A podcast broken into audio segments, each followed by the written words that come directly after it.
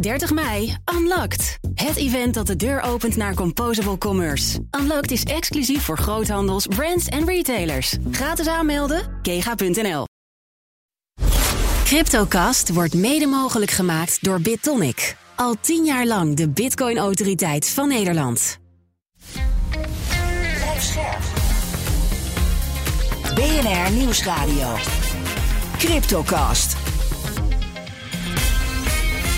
Herbert Blankenstein.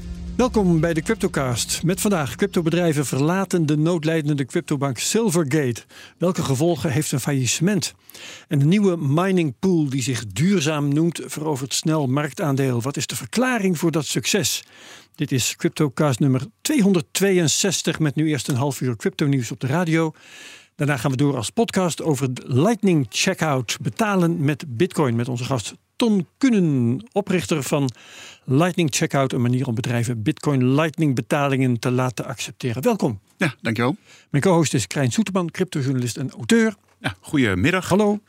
En we geven geen beleggingsadvies. Vorm je eigen mening, maak je eigen keuzes en geef ons niet de schuld. Crypto kan lucratief zijn, maar is ook riskant. Oké, CryptoBank Silvergate zit in de problemen. Het bedrijf haalt de deadline voor publicatie van de jaarrekening niet en onderzoekt of het nog wel levensvatbaar is.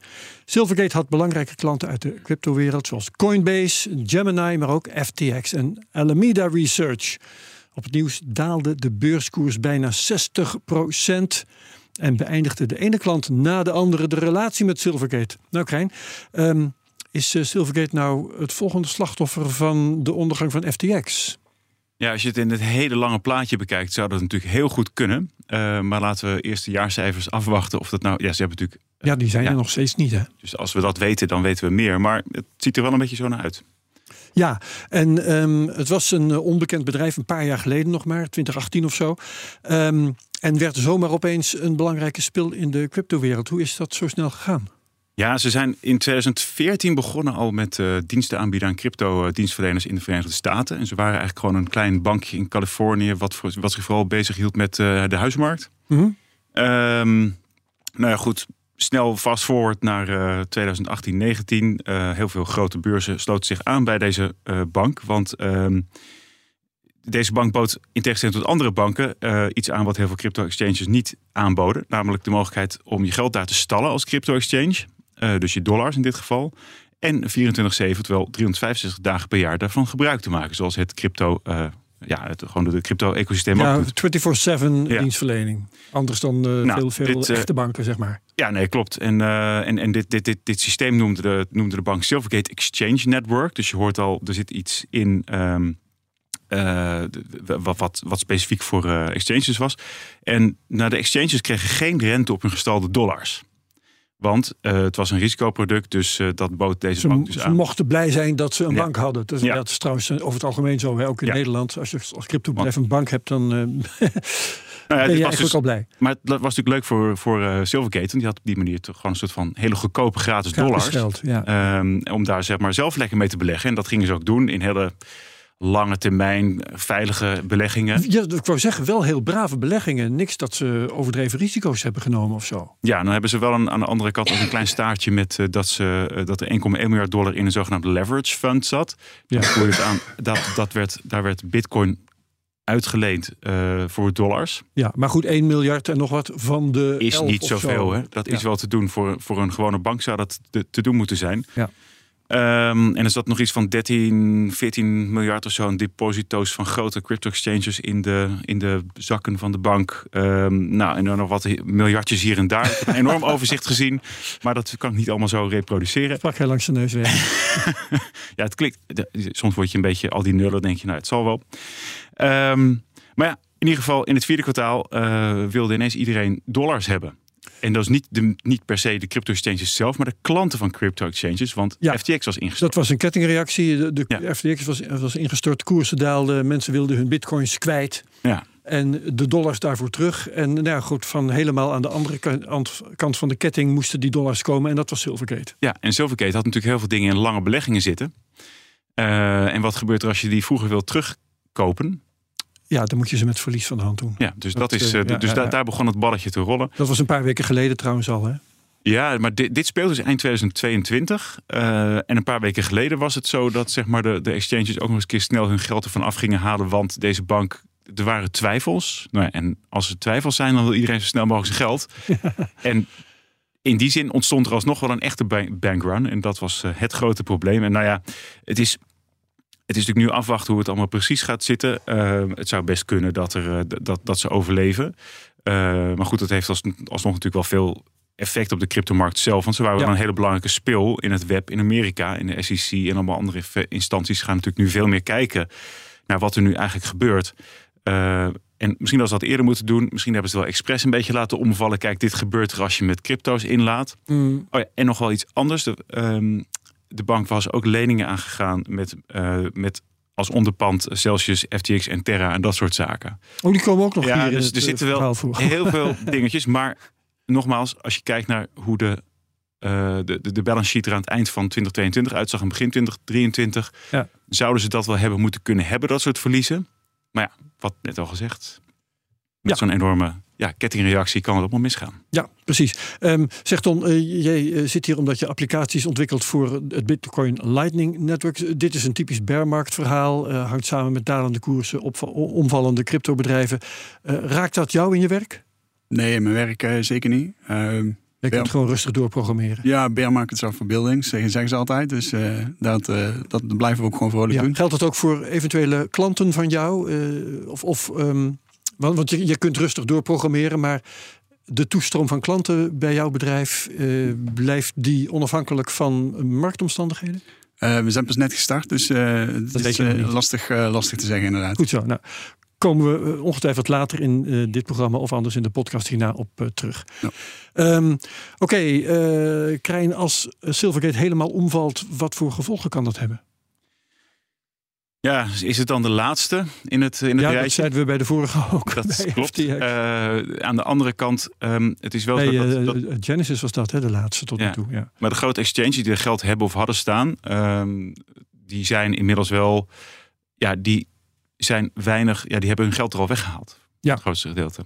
Uh, alleen Kraken doet er nog zaken mee op een bepaalde manier, las ik. Maar of dat nog steeds zo is, dat weet ik natuurlijk ook niet. Ja. Hebben al die cryptobedrijven die dus bij Silvergate zaten te bankieren, hebben die dan een alternatief? Want ze zaten daar omdat er geen alternatief was.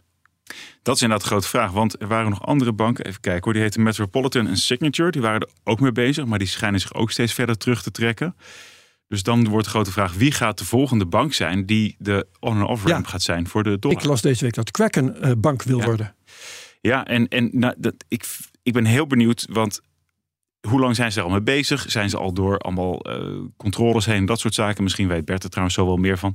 Ja. Um, ze zeggen dat ze niet aan fractioneel bankieren gaan doen en alle geld in, het bank, in de bank te houden of in ieder geval te stallen bij de minst risicovolle, meest cash. Het gaat nu over, over. Ja, zo over Kraken. Ja. De meest liquide, liquide cash equivalenten. Sorry, een beetje vaag uitgesproken. um, ja, we gaan zien hoe dat loopt. Ik ben heel benieuwd. Zeker. Eerst maar zorgen dat ze voor Kraken dan dat ze inderdaad een bank worden. Laten we inderdaad, uh, jij wijst er al naar vooruit, uh, met Bert gaan praten over de prijzen in eerste instantie. Maar die hebben natuurlijk ook wel iets met Silvergate te maken. Tenminste, dat is mogelijk, uh, Bert. afgelopen week, welkom trouwens in de uitzending, Bert. Ja, goeiedag. Even checken of je er echt bent. Goed zo. Um, Bitcoin daalde deze week zo'n 6%. heeft dat inderdaad met Silvergate te maken? Ja, vorige week vrijdag 3 maart, heel vroeg in de ochtend, twee uur s'nachts. Toen, um, toen kelderde de koers ineens in een, in een paar minuten. In een half uur tijd of zo uiteindelijk 1200 dollar. Dat is een procent of 5, 6.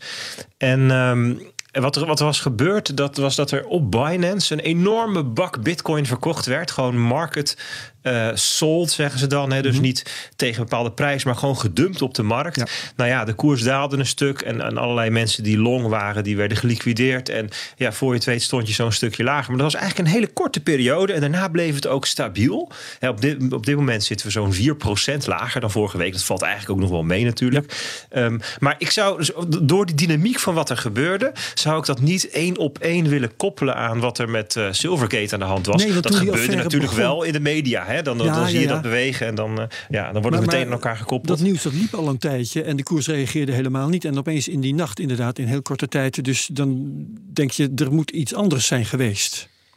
Ja, dus ik denk dat het eigenlijk min of meer ongerelateerd is. Alleen wat je natuurlijk wel ziet is dat er uh, een aantal eh, zorgen zijn in de markt, wat onzekerheden, waar Silvergate er eentje van is. En Ja. dat, dat, dat zorgt er wel voor dat er nu niet eh, um, heel veel optimisme is. Nee, maar aan de andere kant, eh, je zegt zelf al, hè, dat viel ook wel mee.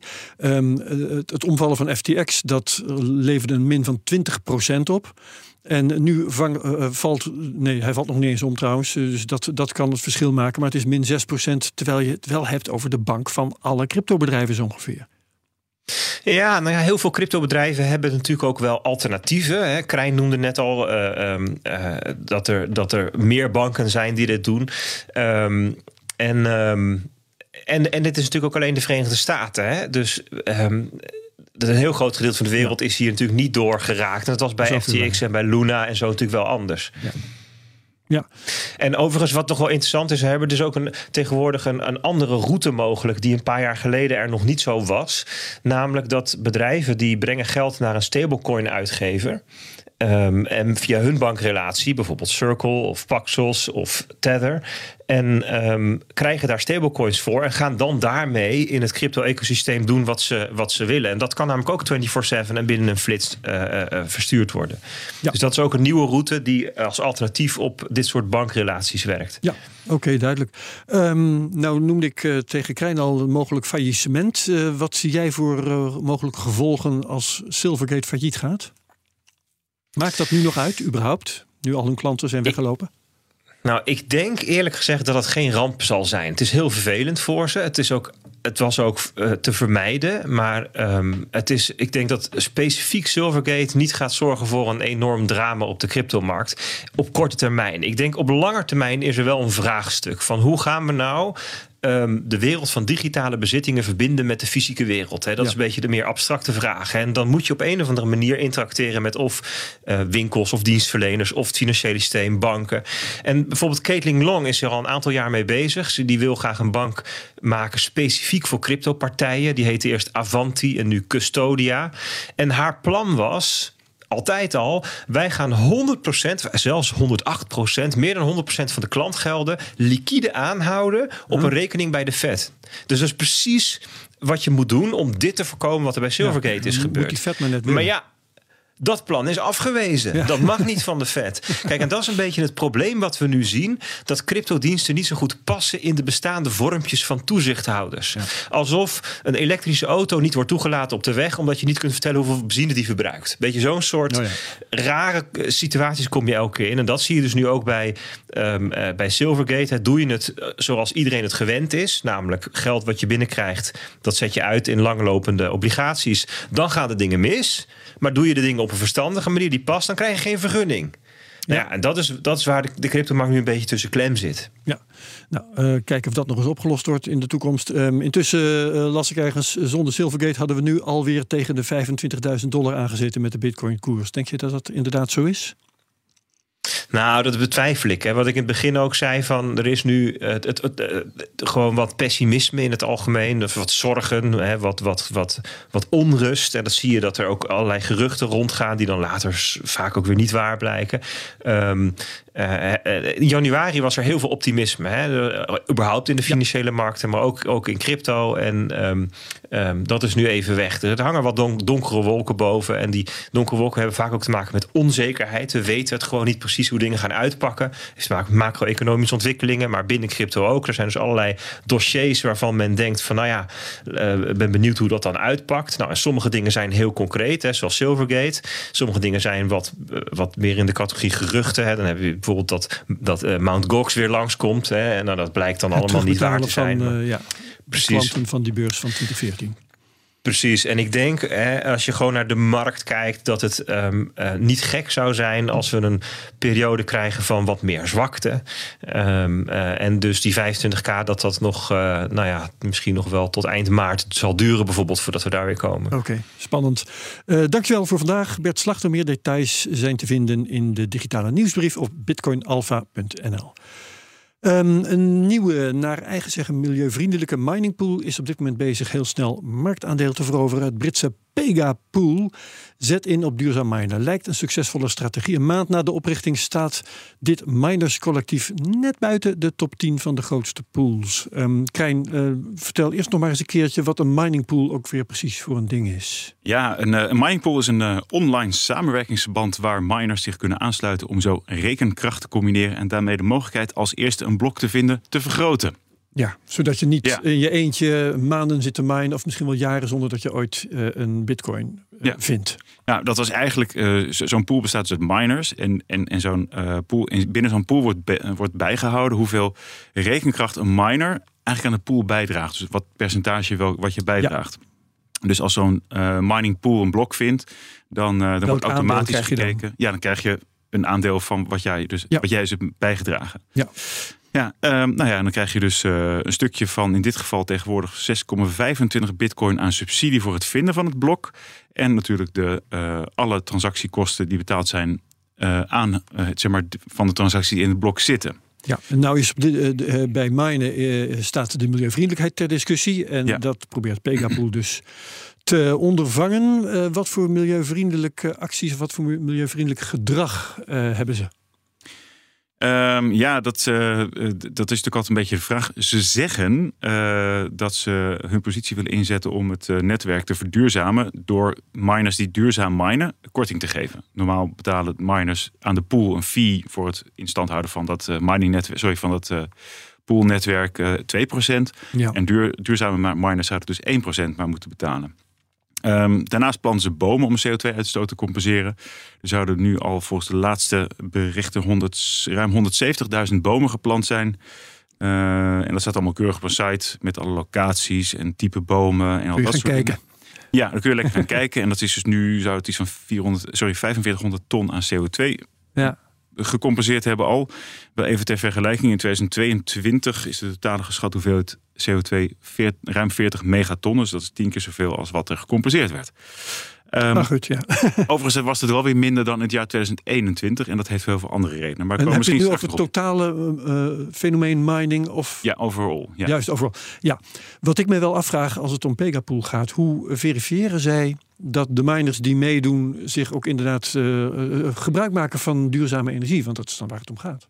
Daar heb ik geen goed antwoord op kunnen vinden. Nee, nee, nee. Ik heb, het ook, ik heb nee, ook gekeken en ik heb het ook niet gevonden. In al hun fax, in alle andere, andere plekken, nergens iets van dit is waarom wij duurzaam zijn. En ik... Want of die bedrijven die zich, of de bedrijven, de, de miners, het kunnen ook particulieren zijn die zich aanmelden, ja. moeten dat uh, aantonen. Of Pega moet het op een of andere manier controleren. Ja, kijk, als ik thuis natuurlijk gewoon met, met, met een videokaart een beetje meemine om gewoon 0,0001 bitcoin per zoveel tijdseenheid binnen te harken. Dat kan natuurlijk.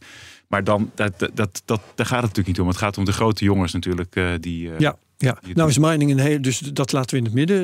Uh, misschien dat, dat we daar nog eens op terugkomen. Ja. Mining is wel een hele competitieve business. En het is een feit dat Pega kosten maakt om zich te profileren als milieuvriendelijk. Hè. Denk aan het planten van bomen, ja. het geven van korting aan de miners die dan zeggen dat ze duurzame energie gebruiken. Hoe kunnen ze zich dat permitteren? Want dat betekent gewoon dat je minder competitief bent. Blijkbaar willen veel miners zich aansluiten bij zo'n idee. Want uh, als je bijna al de, binnen de top 10 staat, dan haal je toch genoeg blokken binnen om geld te verdienen. En uh, mensen willen toch vaak doen, tenminste vaak goed doen, of in ieder geval pretenderen goed te doen. Dus ik ben ook wel een beetje bang voor greenwashing. Denk, dus de, ja. ik vind dat wij als journalisten daarvoor zeg maar uh, toch de vinger aan de pols moeten blijven houden. Ja, dus dat moet inderdaad duchtig gecontroleerd. Het moet ook niet zomaar op hun blauwe ogen geloofd worden. Nee, zou ik niet doen. Ja, nee. Maar je weet het niet. Nee. Um, Intussen, ja, uh, bitcoin mining, uh, als je de cijfers bekijkt, dan lijkt dat soms te vergroenen. Er is een Bitcoin Mining Council dat cijfers publiceert. Er is een, een Cambridge uh, instantie, ik ben even de naam, ja, de, de naam kwijt. Center for Alternative Finance. Dankjewel, dat cijfers publiceert. Ja. Het laatste jaar lijkt het wel stil te staan, als ik de cijfers goed begrijp. Uh, nou, wat ik begreep uit het laatste bericht van Cambridge is dat de, dat, dat de mining, de hash rate, dus de, wel is toegenomen. Dus er zijn dus meer rekeneenheden per seconde per tijdseenheid. Ja. Um, maar dat kan op twee dingen komen. Uh, dat kan komen omdat de apparatuur efficiënter is geworden. Want uh, duurdere stroom. Ja, dan wil je gewoon bij, bij dezelfde stroom, bij hetzelfde stroomverbruik ja. meer miningresultaat. Ja. ja. Of dat je natuurlijk dat, dat er gewoon meer gebruik gemaakt wordt van uh, alternatieve bronnen voor energie. Dus we weten dat niet heel goed. Dus dat is een, wel interessant Ja. om te lezen hoor. En de cijfers van Cambridge die zijn ook niet helemaal, eh, stroken ook niet helemaal met die van het Mining Council. Het Mining Council is een, eh, meer een belangenclub. Ja, dat is duidelijk Dus, een lobbyclub. eh, ja, eh, wat dat betreft kun je meer eh, geloof hechten aan de cijfers van Cambridge. Ja. Oké, daar laten we het bij, want we moeten eventjes vooruitkijken naar de podcast. Tom, we gaan het hebben over jouw onderneming Lightning Checkout, eh, over Bitcoin als betaalmiddel. Ehm, ja, wordt er genoeg betaald met Bitcoin in Nederland? In mijn perceptie niet. Nee, waarom niet? Eh, er is ruimte voor, eh, voor veel meer betalingen. Ehm, als je kijkt op eh, btcmap.org bijvoorbeeld en je kijkt waar je bitcoin kunt uitgeven, dan zie je een vlek in Arnhem en een vlek in, in Amsterdam. En de rest van het land, daar zijn het ja, incidenteel ehm, ja, winkeliers die, die bitcoin accepteren. En jij helpt winkeliers Bitcoin te accepteren. Eh, hoe werf jij klanten? Ehm, door eh, ondernemers eh, individueel aan te schrijven. Je ziet dat, het, dat dat lastig is. Dus ik ben nu mijn aandacht een beetje aan het verleggen naar ondernemersverenigingen en ja, communities van, van ondernemers die, die potentieel interesse hebben. En wat is jouw verhaal dan? Hoe overtuig jij een winkelier ervan dat het in zijn belang is om Bitcoin te accepteren? Eh, sowieso het geld van de toekomst. Ehm, maar vaak zijn ze daar niet, eh, niet heel gevoelig voor. Nee, die wil gewoon weten wat verdien ik ermee? Ja, Ja, precies. wat haal ik ermee binnen? Ja, en eh, dus ik probeer het nu te gooien op, op extra conditie van eh, eh, ja, mensen die bitcoin hebben en die het wel degelijk al uit willen geven, Ja. maar op dit moment het nergens uit kunnen geven. Ja, dan moet je je er ook mee profileren natuurlijk. Hè? Dan moet Ja. je op een of andere manier jezelf in de markt zetten als die winkel die Bitcoin accepteert. Ja, dus daarom voeg ik ook alle, alle klanten automatisch toe op eh, btcmap.org, zodat in ieder geval eh, de community kan zien waar ze hun bitcoin kunnen uitgeven. En wat voor ondernemers happen toe? Is daar Eh, iets met- algemeens over te zeggen? Ja, het zijn op dit moment nog wel echt eh, de ondernemers die al eerder in aanraking zijn gekomen met, met bitcoin. Ehm, dus, dus die zijn makkelijk eh, over te halen en die, die zien ook eh, de nut en de noodzaak eh, daar wel van in. Ehm, ondernemers die onbekend zijn met de materie, zijn, ja, daar moet je eerst het, het hele bitcoin verhaal eh, gaan uitleggen. En die zijn daar dan minder gevoelig voor. Wij gaan het hier straks eh, in de podcast uitgebreid over hebben. Dankjewel Ton Kuhne voor dit moment van Lightning Checkout. Dankjewel ook co-host Krijn Soeterman, cryptojournalist en auteur. Tot zover de Cryptocast op BNR. Eh, als je meegaat naar de podcast, heel graag. Doe je dat niet, dat is ook prima. Dan heel graag tot volgende week bij de Cryptocast op de radio bij BNR. Cryptocast wordt mede mogelijk gemaakt door BitTonic. Al tien jaar lang de Bitcoin-autoriteit van Nederland. 30 mei, Unlocked. Het event dat de deur opent naar Composable Commerce. Unlocked is exclusief voor groothandels, brands en retailers. Gratis aanmelden, kega.nl.